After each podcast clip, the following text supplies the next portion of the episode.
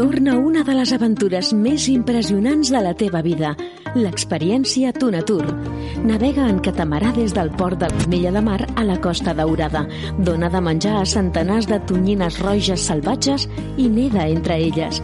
Practica snorkel i submarinisme i degusta la millor tonyina roja al mig del mar. Una experiència didàctica i gastronòmica en família. Informació i reserves a tuna-tour.com.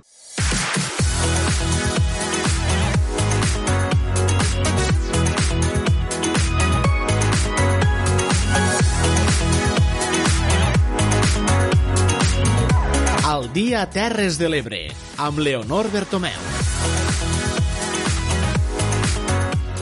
Hola, molt bon dia, benvinguts a l'edició d'avui de l'Aldia Terres de l'Ebre. És dijous 23 de juliol i avui es celebra la jornada alternativa al Sant Jordi.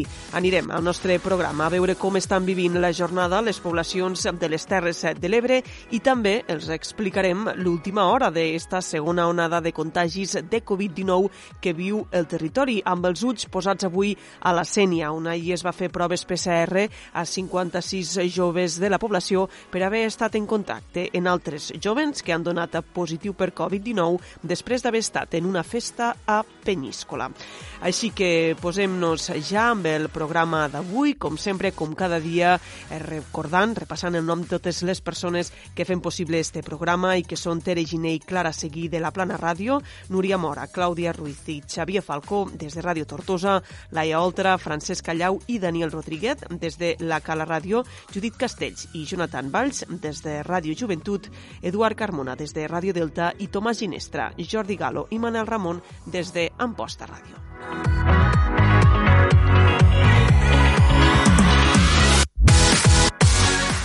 Com cada dia començarem el programa amb el repàs als titulars més destacats d'este dijous 23 de juliol.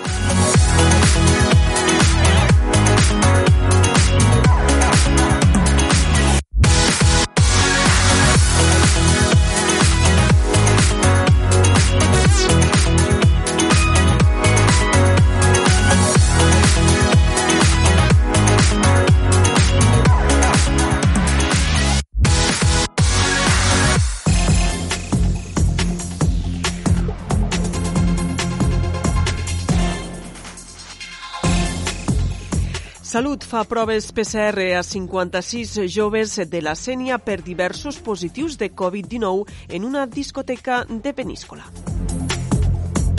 El brot de l'Hospital de la Santa Creu de Jesús arriba ja a 19 positius i la xifra de víctimes mortals s'eleva fins a 4. Les Terres de l'Ebre celebren el Sant Jordi d'estiu amb activitats culturals, presentacions de llibres i en alguns pobles amb parades al carrer de llibres i roses. La ciutat d'Amposta, sòcia fundadora de l'Associació de Municipis i Entitats per l'Energia Pública. El Copate engega una campanya per promocionar els productes i serveis amb el segell de la Reserva de la Biosfera. La campanya pels sediments i la cooperativa Tatacua s'uneixen per a crear un compte per sensibilitzar i difondre la problemàtica de la regressió al Delta de l'Ebre. Pel que fa als titulars de cultura, destaquem que el Museu de les Terres de l'Ebre impul impulsa una nova edició d'Ebre Art i Patrimoni amb la creació audiovisual com a protagonista. Campredó recordarà el pas de l'Ebre del 1938 amb un homenatge als brigadistes internacionals.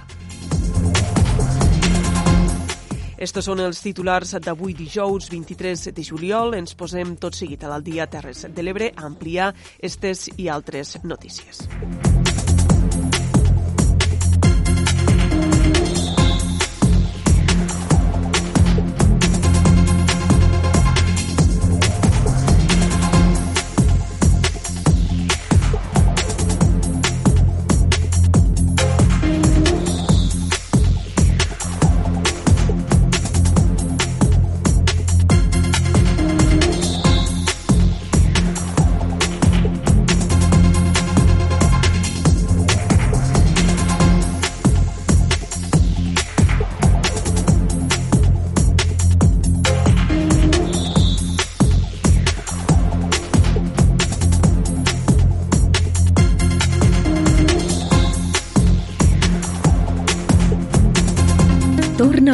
Les aventures més impressionants de la teva vida, l'experiència Tunatur.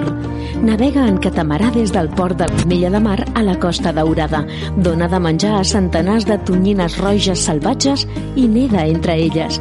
Practica snorkel i submarinisme i degusta la millor tonyina roja al mig del mar. Una experiència didàctica i gastronòmica en família. Informació i reserves a tuna-tour.com.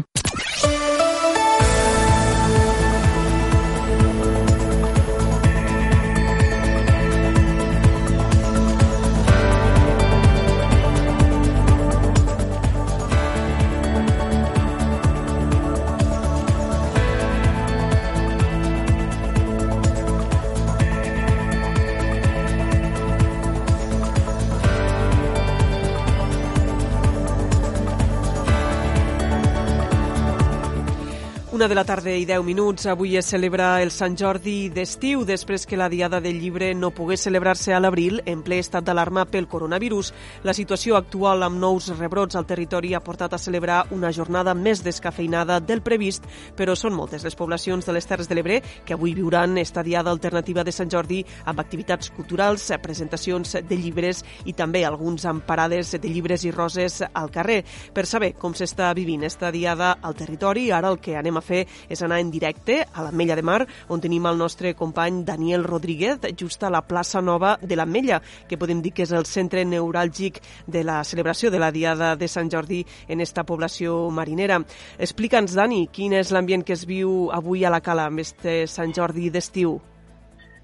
Bon dia, Leonor. Doncs eh, ara mateix estem a la una del migdia tocada i això significa que, evidentment, l'afluència de gent a la plaça Nova ha baixat. Durant el matí hi ha anat passant gent, no tanta com és habitual un 23 d'abril, la calor és protagonista aquest migdia a la cala i els eh, llibreters i floristes doncs, esperen que l'ambient s'animi de cara al vespre, sobretot doncs, pensant també en què hi ha una gran afluència turística al municipi en aquesta segona quinzena de juliol i això podria afavorir que les vendes siguin més altes.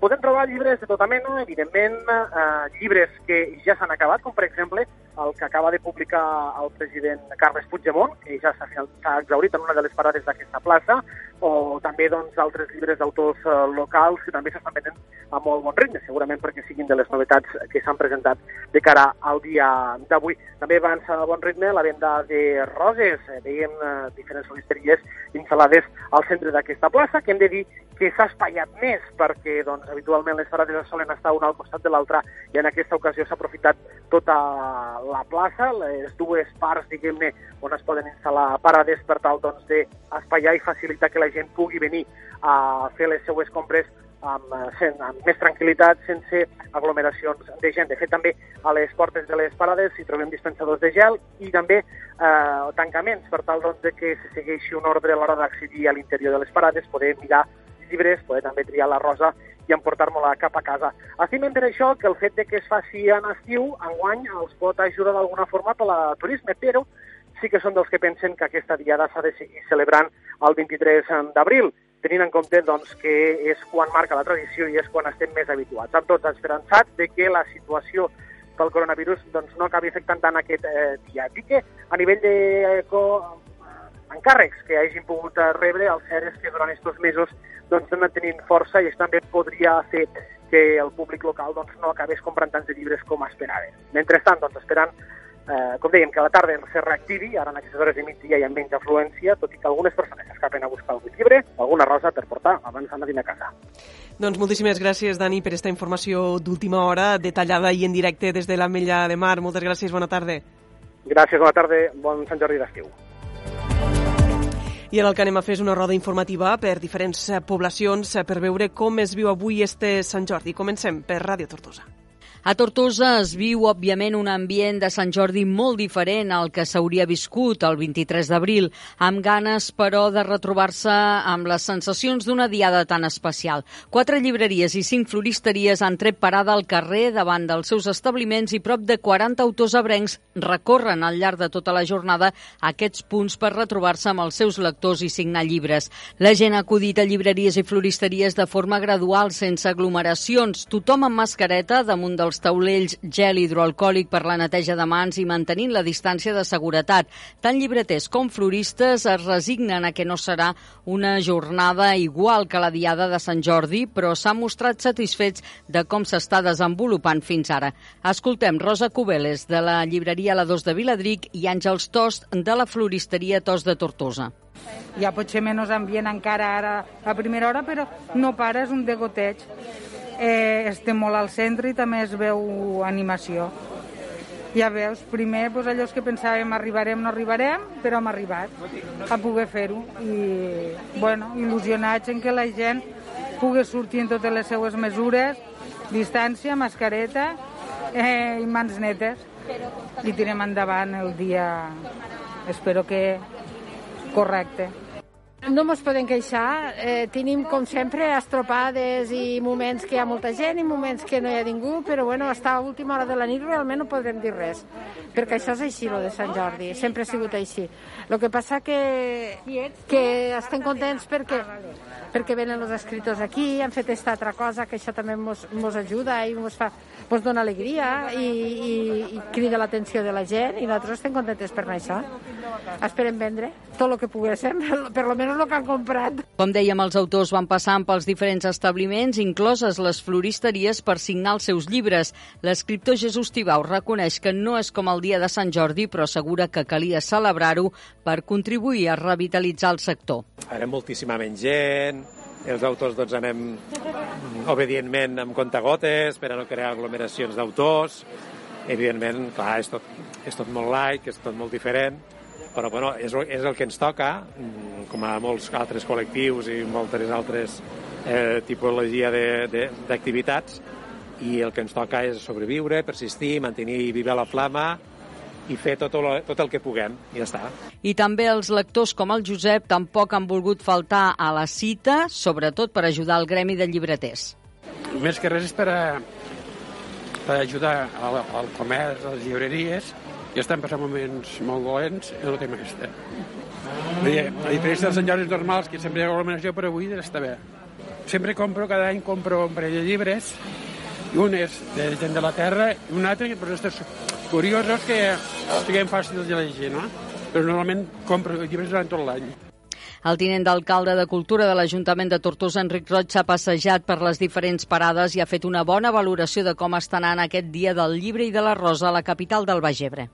Doncs bé, eh, eh, hem comentat aquí en la gent de la biblioteca i la gent de la llibreria Viladric que a bon ambient, jo he anat passant per unes floristeries, per alguna altra estanc llibreria i per aquí ara a Viladric, i realment l'ambient és bo. Evidentment no és l'ambient aquell del dia de Sant Jordi, però tampoc ho pretenem, perquè el que volem és també mesures de seguretat.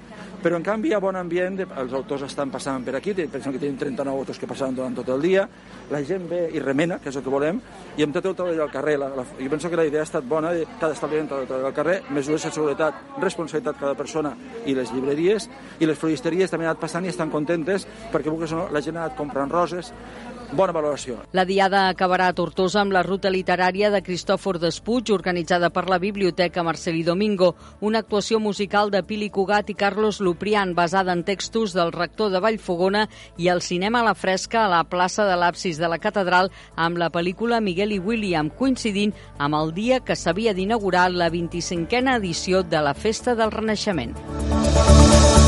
Serà aquesta tarda a partir de les 6 al carrer Major i a la plaça de l'Ajuntament d'Amposta on es focalitzarà tota l'atenció d'aquest dia del llibre i de la rosa d'aquest 23 de juliol on es celebra un Sant Jordi un tant especial degut al confinament. Hi haurà eh, presents diferents escriptors d'èxit de la capital del Montsià, entre ells la Maria Climent amb l'arxiconeguda obra Gina. També estarà Jesús Serrano amb el premiat llibre Perdedors.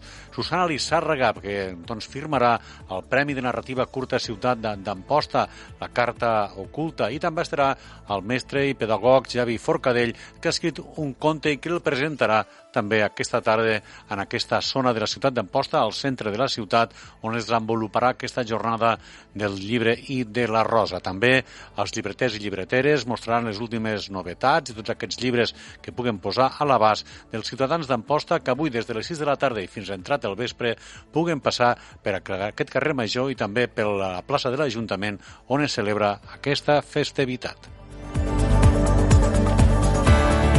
A Santa Bàrbara, venda de roses al carrer Major i repartiment de llibres a tothom qui passe per l'Smart Centre. Així està sent el Sant Jordi d'estiu per als planers i planeres més solidari que mai. Quan el 23 d'abril, en ple confinament, el Gremi de Llibreters va decidir que la Diada dels Llibres i de la Rosa se celebraria el 23 de juliol des de la Regidoria de Cultura de l'Ajuntament de Santa Bàrbara, va tenir dubtes de com celebrar-lo. Després de conèixer els diferents rebrots al territori, es va decidir que fos solidari i oferir cultura gratuïta a tothom qui visiti la biblioteca. Guillem Caia és el tècnic de cultura de la Biblioteca Municipal municipal a Santa Bàrbara.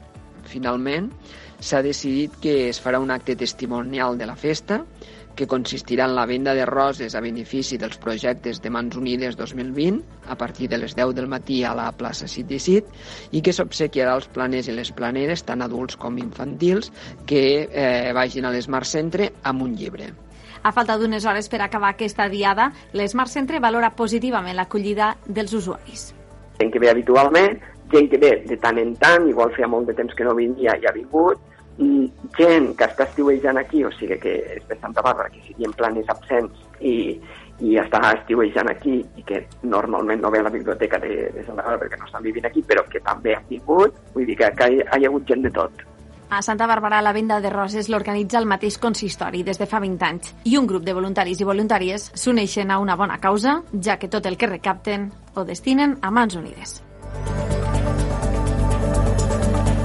En el cas de Deltebre, l'Ajuntament ha suspès tots els actes previstos per a avui com a mesura preventiva davant la segona onada de contagis del Covid-19. Amb tot, la literatura serà una de les protagonistes del dia. Entre els títols locals que es podran trobar avui a les llibreries hi ha Adellà del Riu, de Jordi Gilabert, obra guanyadora de la 36a edició del Premi de Narrativa de la Ribera d'Ebre i que explica la història d'una família del Delta en el moment de l'esclat de la Guerra Civil i com ressorgeixen les velles rancúnies. També trobarem el reverendo de Jordi Casanova Giné, una història de ficció sobre la lluita interior d'un capellà amb el celibat. També s'estrena en este Sant Jordi d'estiu Estefania Alifonso amb el recull de poemes Pedacitos de ti en mi amb il·lustracions de Francesc Escriche.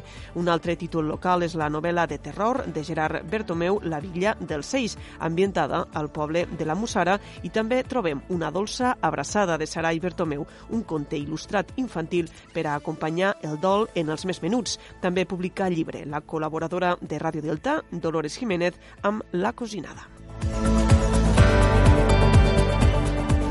I més enllà de les parades de llibres, les floristeries també han sortit al carrer per exposar l'altre element essencial de la Diada de Sant Jordi, com és la rosa. Avui, però, hem de dir que la majoria provenen de Sud-amèrica. Ens ho explica Judit Castells.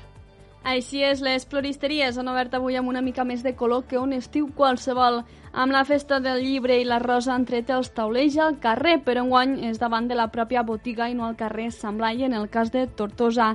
Res és com les anteriors edicions del Sant Jordi i les floristeries van en peu de plom. Parla Cinta Duran, gerent de la floristeria Les Quatre Estacions. Intentar pues, fer una miqueta a veure com surt tot, vale? vull dir, sí que hi ha menys producció de rosa, vale? però vull dir, clar, la, el més fort és Sant, Sant Jordi, però vull dir, a veure, doncs ara s'intentarà fer el que es pugui, eh? vull dir, doncs acompanyar una miqueta per, per ajudar els escriptors, els autors i a nosaltres mateixos. La calor és una estació dolenta per la producció de les roses. Els vivers de Catalunya produeixen només un 5% de les roses que es venen per Sant Jordi. La resta són importades de països com Colòmbia o l'Equador.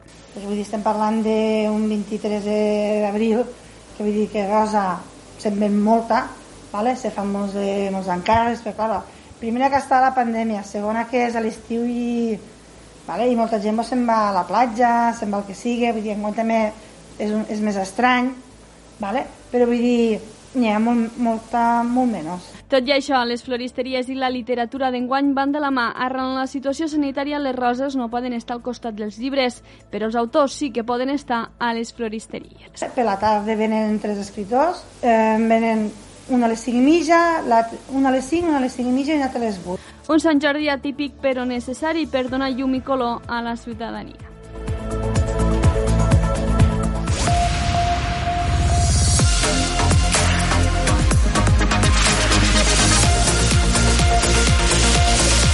Al dia.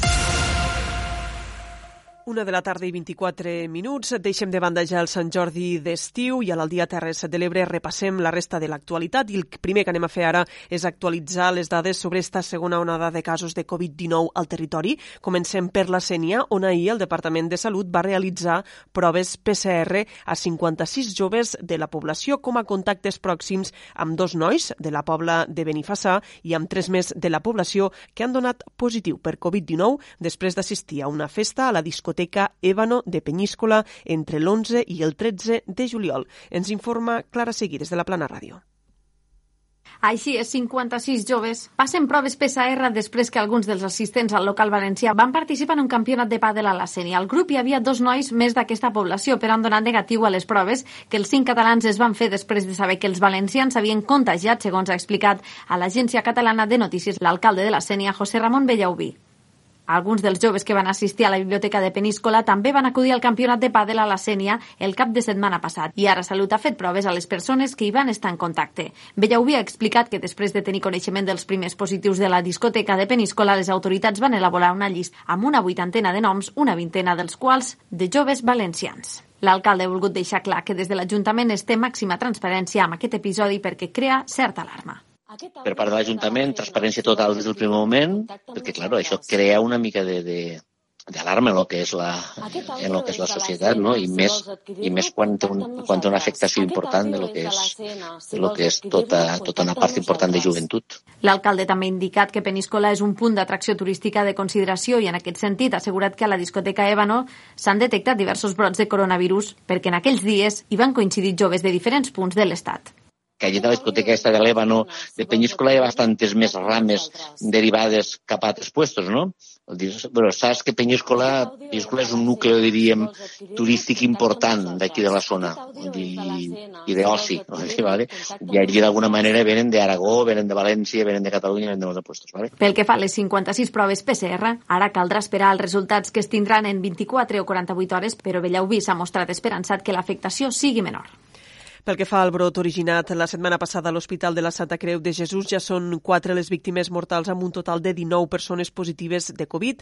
Dos persones més van morir ahir, segons que ha confirmat el Departament de Salut de la Generalitat. Es tracta de dos pacients que es trobaven també a la planta de cures, de cures paliatives del Centre Sociosanitari de Tortosa, tot i que un havia estat traslladat per, al, per traslladat perdó, des de la Santa Creu al verge de la cinta de Tortosa, on finalment va morir. Per tant, insistim que en total ja són quatre les les morts relacionades amb este brot a l'Hospital de la Santa Creu de Jesús. I també l'Ajuntament de Deltebre ha confirmat tres casos més positius de Covid-19 al municipi. La regió sanitària ha informat l'Ajuntament d'estos tres positius sense que s'hagin donat a conèixer més detalls. Amb tot, tot apunta que estos tres positius estarien relacionats amb altres brots de Covid-19 sorgits a les Terres de l'Ebre. En menys d'una setmana, Deltebre ha sumat sis casos positius de coronavirus.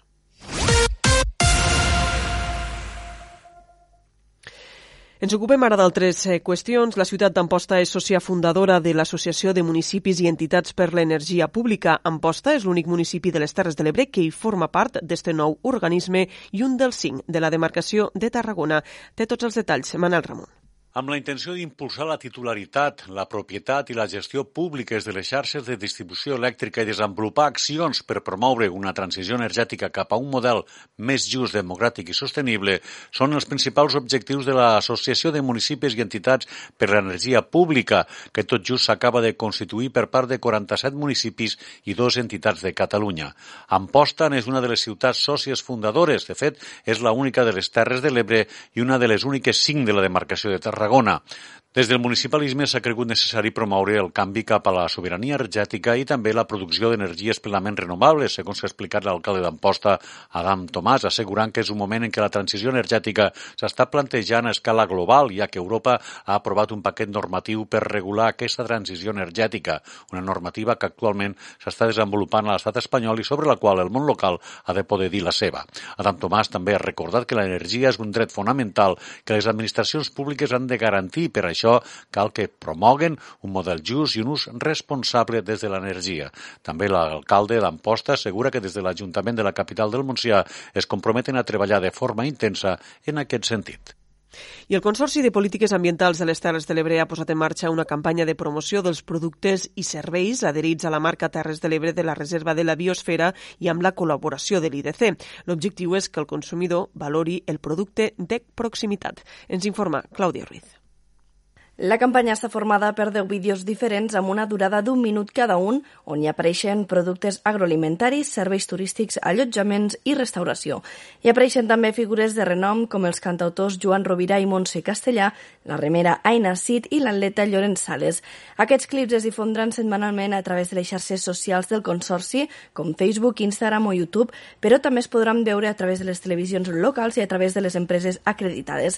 A més, aquests vídeos s'enviaran als ajuntaments i consells Consells Comarcals del Territori perquè també el comparteixin a les seves xarxes socials. El president del COPATE i responsable de la Reserva de la Biosfera, Ferran Rosic, ha assenyalat que l'actual crisi és una oportunitat perquè la ciutadania ebrenca prengui consciència dels productes de proximitat. Uns vídeos que tenen la finalitat de donar una major visibilitat i dotar d'un valor afegit als productes del territori, així com als seus productors, acreditats per la Reserva Biosfera Terres de l'Ebre.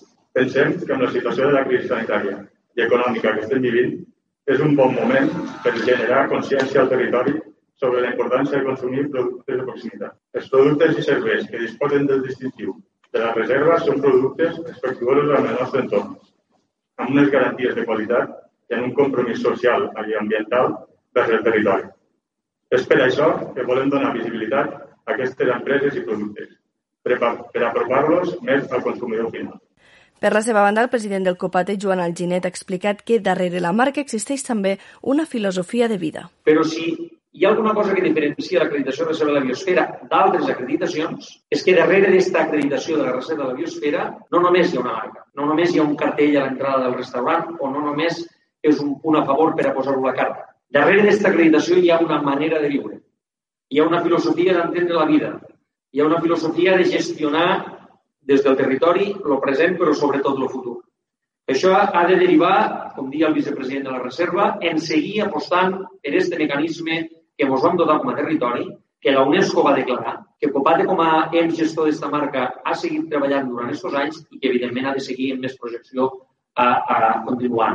Finalment, el director de l'IDC, Albert Salvador, s'ha mostrat satisfet dels resultats de les sinergies d'ambdues institucions i ha qualificat d'imprescindible que es mantingui aquest treball per a futurs reptes. Actualment hi ha 160 empreses acreditades amb la marca Terres de l'Ebre Reserva de la Biosfera.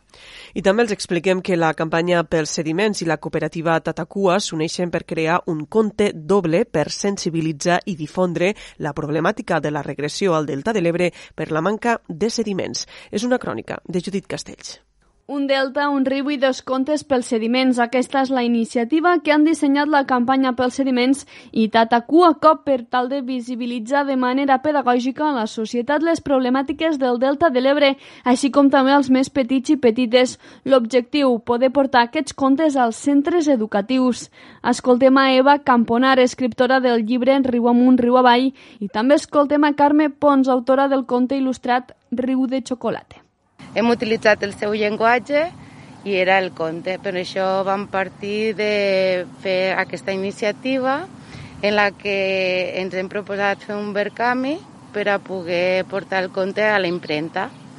És un llibre en què hi ha dos contes, hi ha un riu de xocolata i l'altre conte que és riu amunt, riu avall, i el que volem és això, que en els diners que traguéssim del Verkami poguéssim portar el conte a l'impremta i fer-lo arribar a totes les escoles i biblioteques del territori per a poder explicar a famílies i a públic infantil en quina situació ens trobem i quina és la problemàtica que fa que, que el nostre delta cada vegada sigui més petit.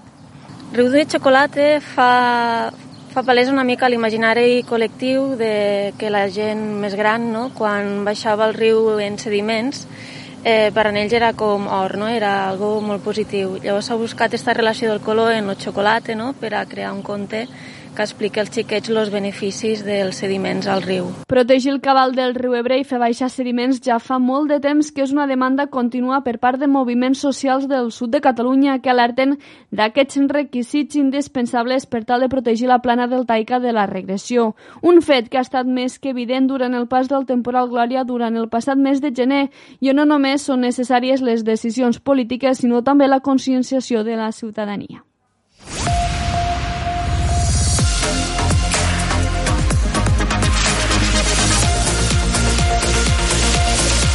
Al dia. Una de la tarda i 34 minuts obrim ara plana cultural a l'Aldia Terres de l'Ebre. El Museu de les Terres de l'Ebre ha impulsat una nova edició d'Ebre Art i Patrimoni amb la creació audiovisual com a protagonista d'esta nova edició, la setena, que es podrà seguir entre el 7 d'agost i el 30 de setembre a 13 centres museístics del territori.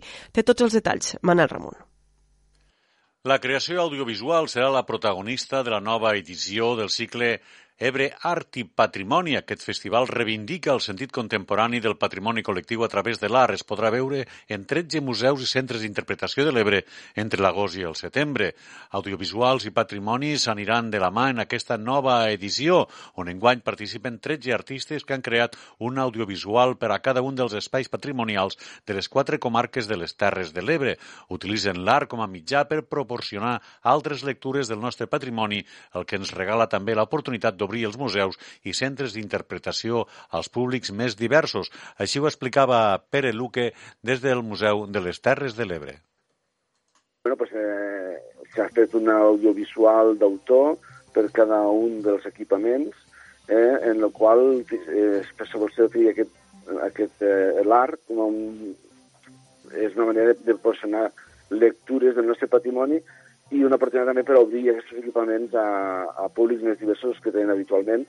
Eh, se presentaran aquests audiovisuals, se faran projeccions audiovisuals a, a cada un dels equipaments, eh, que els propers dies ja, ja concretarem en el programa i estarà tot disponible, com sempre, recordem, a la web del museu o a les xarxes socials del museu, per tant, segur que vol saber la programació en, en breu ja estarà tot disponible al, a la web i a les xarxes socials del museu i se presenten aquests audiovisuals que eh, s'han encarregat a joves artistes però també a experimentats eh, videocreadors, de, de, sobretot del territori.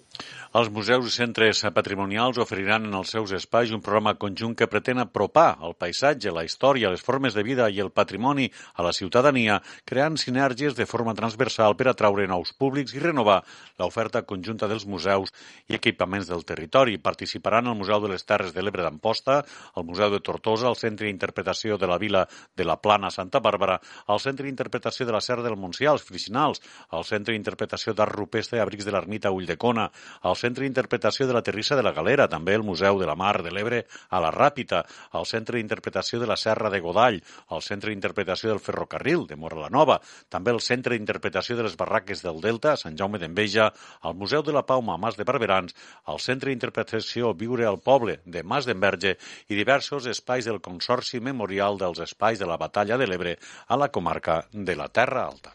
I anem ara a Campredó durant el vespre de demà divendres, dia 24, i la matinada de dissabte 25 de juliol tindrà lloc la commemoració del Pas de l'Ebre. Es vol així recordar l'episodi d'una batalla sagnant que va tenir lloc a la mitjanit d'esta mateixa data, però de l'any 1938. Ens ho explica Clàudia Ruiz. Aquest fet donava inici a la coneguda com a la Batalla de l'Ebre, que duraria fins al mes de novembre, amb capítols sagnants a les serralades de cavalls i de pàndols. En aquesta ofensiva de Camp Redó, a la vora de la Font del Quinto, van perdre la vida 1.300 soldats d'ambdós bàndols, sortint greument perjudicat el bàndol republicà i concretament del batalló La Columna de París, format per brigadistes francesos. 82 anys després, el municipi recordarà els fets durant la nit del dissabte. El regidor de Cultura de Camp Redó, Emic Di Subirats, reivindica que l'acció ha quedat gairebé oblidada de la història.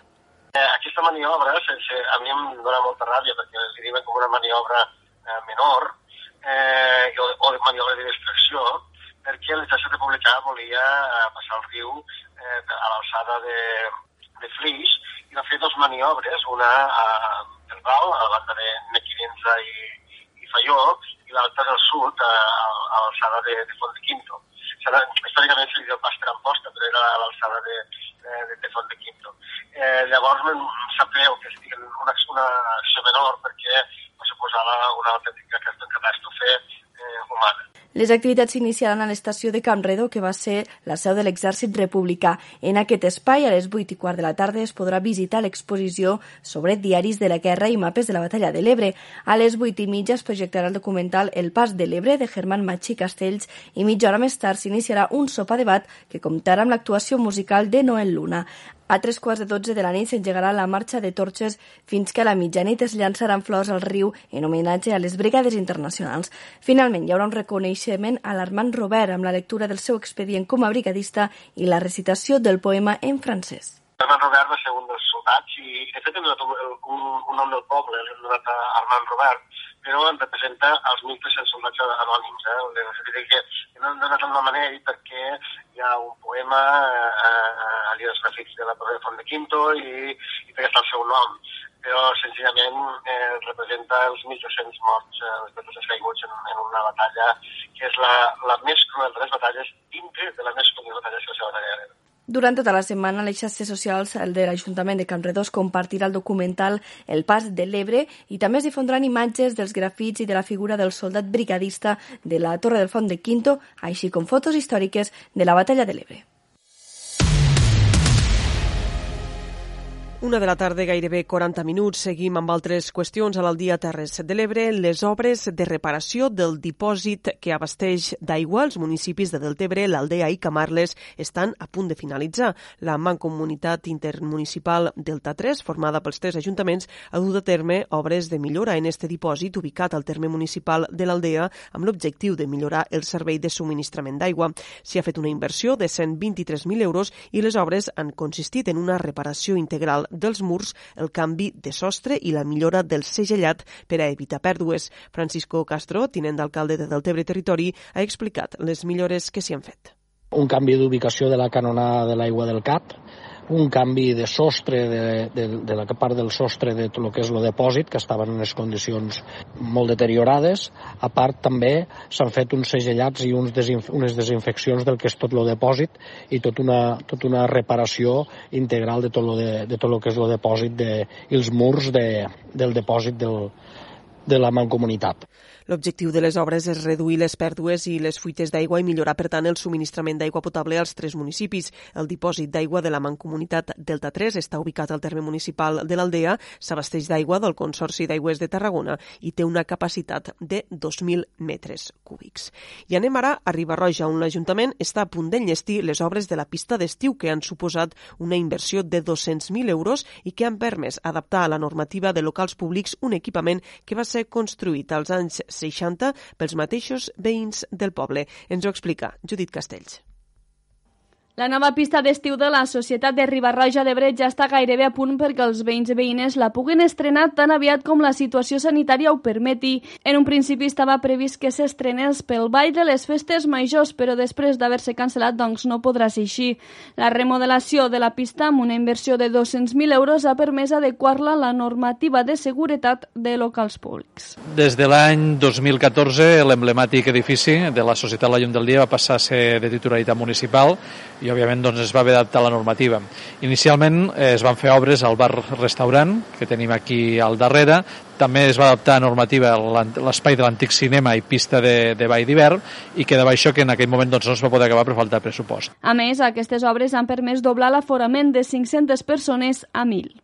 Bàsicament el que s'ha fet és dotar aquesta pista, doncs, unificar-la pel que fa a nivells, baixar l'escenari i disposar d'un escenari de gran capacitat per poder doncs, allotjar grans orquestres i també doncs, millorar i disposar de nou servei de bar i també de, de serveis, eh? tant de cabines sanitàries per a homes, per a dones i per a servei de minusvàlids i, òbviament, millorar l'accessibilitat. La, Total, doncs, sense perdre aquell esperit eh, del que era l'antiga la, pista, doncs hem recuperat un nou espai per al poble, adaptant-lo als presents i a les necessitats de les actuals generacions. L'entrada a l'edifici se manté des del carrer Fatarella, així com la taquilla.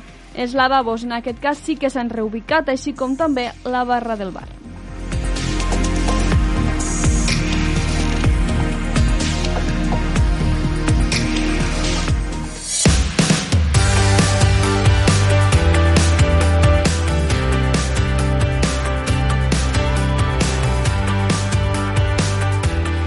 Temps ara al dia Terres de l'Ebre per a l'entrevista del dia, tot i la incertesa del moment amb una segona onada de contagis de Covid-19, l'Eufònic 2020 manté les seves dates i se celebrarà del 27 al 30 d'agost a les Terres de l'Ebre. Serà una edició híbrida amb propostes presencials i telemàtiques i passaran al voltant de 40 artistes amb diferents propostes artístiques, performatives, experimentals, musicals i sonores. Per parlar-ne de tot plegat, avui hem convidat al director d'Eufònic, Vicent Fibla. Bon dia i benvingut. Bon dia. Com dèiem, tot i la incertesa del moment, l'Eufònic 2020 es manté, manté dates, i és que una de les reivindicacions que feu i que es fa des del món de la cultura és que la cultura és segura. Uh, sí, és important això, perquè hi ha hagut un moment en què s'ha equiparat que oci i cultura és el mateix, no? I, i és una cosa que realment s'ha de diferenciar. L'oci funciona en unes normes bastant poc estrictes, diguem-li, i en canvi la cultura, com heu vist, tothom s'ha hagut de posar les piles i treballar molt per a, per a fer-ho possible. En la qual, diguem la idea aquesta de poder fer espectacles, actuacions, tot seguint les, les recomanacions sanitàries, les limitacions, és una feina que portem temps i que, a més a més, dona una feina extra enorme no? per a poder, per a poder fer-ho i, i portar-ho a terme.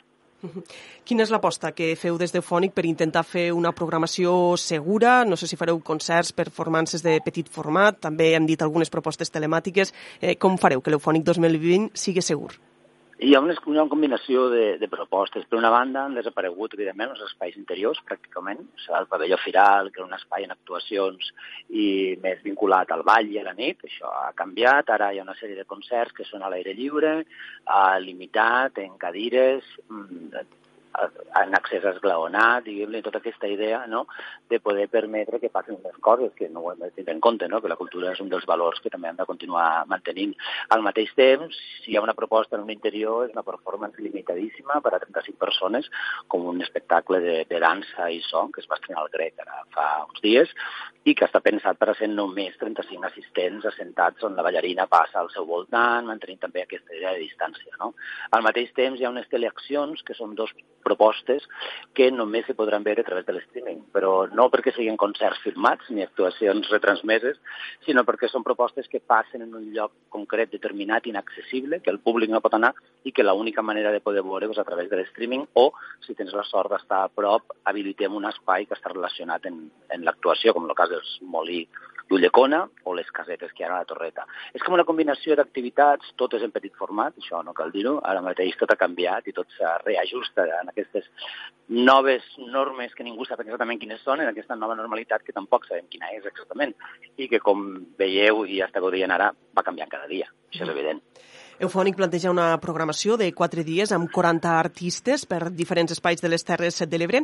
Destaquen alguns noms, algunes propostes imprescindibles d'este Eufònic 2020. Per exemple, hi seran Cabo San Roque o Enric Casases. El Cabo San Roque és una de les propostes més, més clares, no perquè sigui una aposta d'eufònic, que no ho és, són molt famosos, són molt bons, han estat en molts llocs i precisament el que volíem era proposar-vos de recuperar una peça que pràcticament no s'ha vist. Uh, Cabo San Roque s'han fet molt famosos en la instal·lació de, no va fer Joan Brossa, per exemple, o ara el Grec, el Born, estrenaven, bueno, estrenaven a Barcelona Dimonis, i en canvi el que fem és us he proposat una peça que es diu Les violons a Blaix, que estirà al centre Arlopati. Al mateix temps hi ha aquesta combinació, com sempre, en eufònic, de música i altres disciplines. Hi ha una part important d'arts visuals, instal·lacions artístiques, com Marta Verde a Ullacona, uh, o Anaïsa Franco, al Mercat de la Ràpita, que deixa de ser un espai per actuacions, que és el que parlàvem abans, que deixa de ser un espai interior, i uh, per a música, diguem-li, i performance, i passa a ser una instal·lació artística, que serà estupendo tindre Anaïsa, quan és una cosa que parlàvem feia, feia temps, no? i teníem moltes ganes. Aquesta combinació fa que hi ha el projecte d'Enric Casases, que és Premi d'Honor de, llengua catalana, vull dir que és una cosa realment importantíssima, que és en col·laboració amb Don Simón de Lefunken, i al mateix temps també hi ha coses més musicals, diguem-ne, més clares, com, com Micran Volum o Siwo, artistes que treballen en aquesta combinació de l'electrònica i la diàspora nord-africana i que tenen un component experimental interessantíssim. O sigui, hi ha un seguit de propostes que és deixar-se portar, com sempre, mirant el programa i esperem, diguem que tot se pugui portar a terme, clar. Enguany hi ha també molta presència femenina al festival. No sé si és casualitat o s'ha buscat aquesta presència femenina expressament. No, no, és, és casualitat, és curiós perquè sempre ha sigut així. El que passa és que abans ningú posàvem l'accent i no ho notàvem, per dir-ho d'alguna manera, però, però sempre ha sigut així. Eufònic és tan transversal en quant a disciplines que de manera natural la presència de dones està al voltant del 50%, però no perquè ho forcem ni perquè intentem uh, uh, tindre'n més, no? que això seria com... No és, no és una és una possibilitat, diguem-ne, i és un punt de vista, sinó que uh, dins de la nostra programació se donen la mà perfectament, igual coincideix que està Nodina i després Tartarrelena i després de Winter, i totes són dones i perquè ens funciona, diguem en aquesta, en aquesta idea, no? I la seva pràctica artística, en el cas de ser instal·lacions artístiques o musical, fa que, que siguin el tipus de propostes que ens interessen.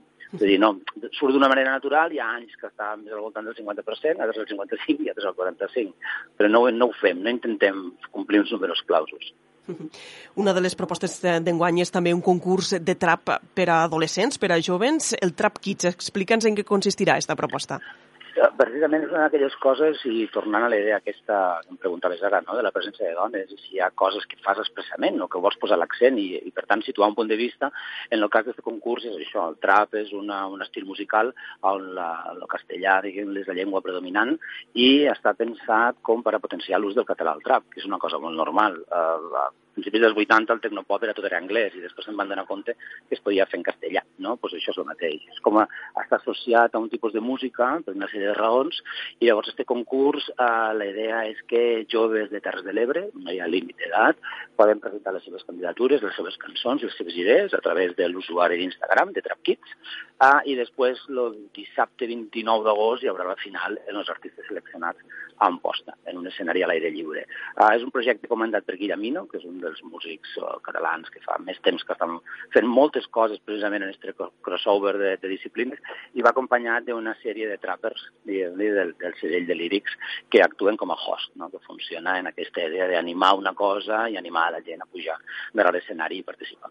De moment, quina és la resposta que heu tingut? No sé si ja teniu participants en este concurs de trap. Comença ara, de fet, això, perquè és veritat que és una cosa que s'ha d'anar insistint, no cal dir-ho, no? Uh, sí que ja, ja hi ha inscrits, n'hi ha alguns que són de fora de Terres de l'Ebre, perquè uh, ah, Tramquit la primera parada, diguem-li, serà en posta i eufònic, però això continua després. Després continua itinerant per Catalunya en la idea de que després el seleccionat, el guanyador de totes les finals aquestes, optarà a una espècie d'estage d'academy per a perfeccionar tècniques uh, musicals i de veu i de producció. És una cosa que està normalment associada també a altres estils de música. Una altra proposta de l'Eufònic 2020 és la creació d'esta sala sintètica. Explica'ns en què consistirà. La sala sintètica és un projecte paral·lel, un projecte que existeix en un món virtual. Uh, un metavers és un món de, uh, que acull treballs en 3D interactius, no són treballs en 3D només contemplatius, sinó que tu has d'interactuar allà dins.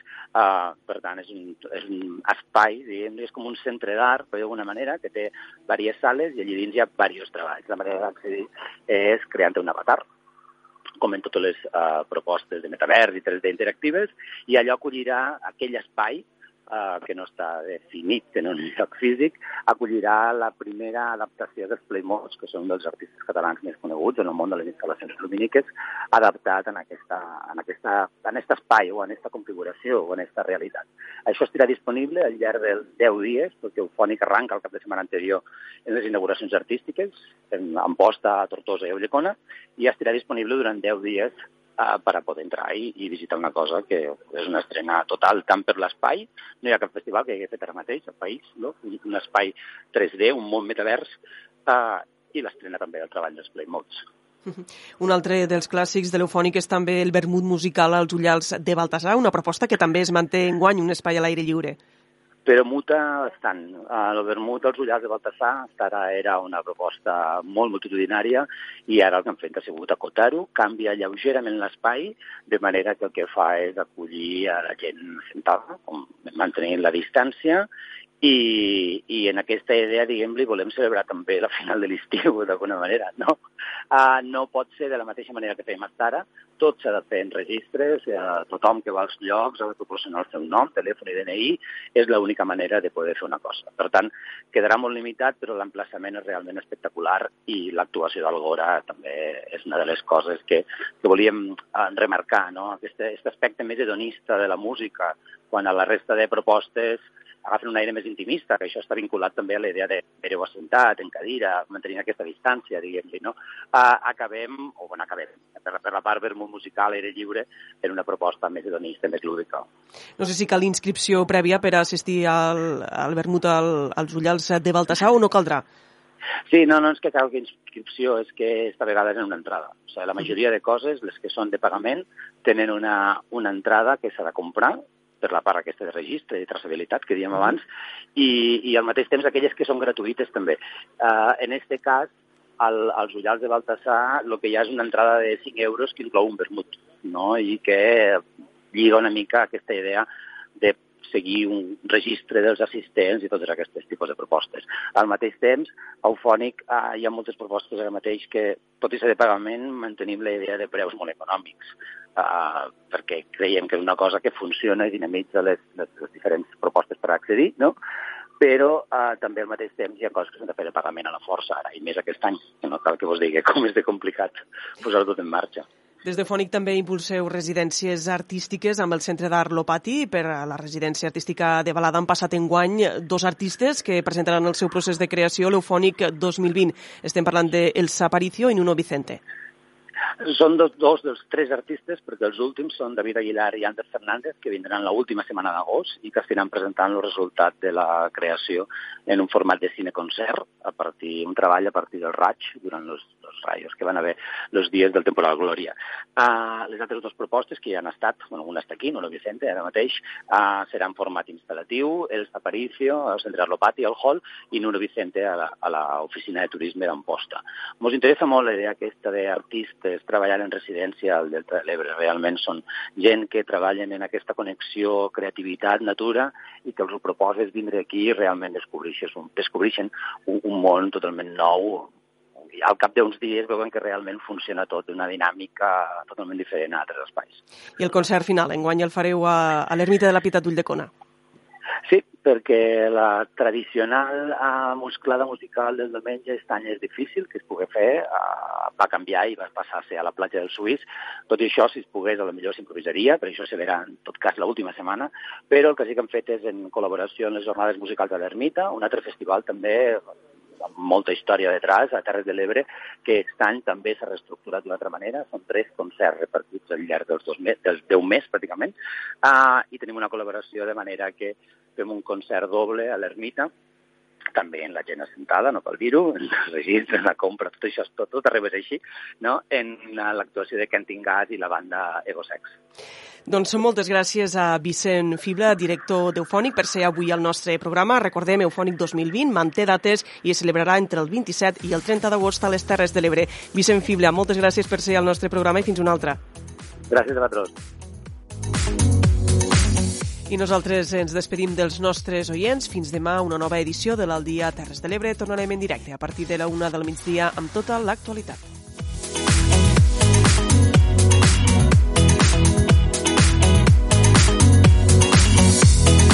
Torna una de les aventures més impressionants de la teva vida – l'experiència Tunatur. Navega en catamarà des del port de l'Ametlla de Mar a la Costa Daurada. Dona de menjar a centenars de tonyines roges salvatges i neda entre elles. Practica snorkel i submarinisme i degusta la millor tonyina roja al mig del mar. Una experiència didàctica i gastronòmica en família. Informació i reserves a tuna-tour.com.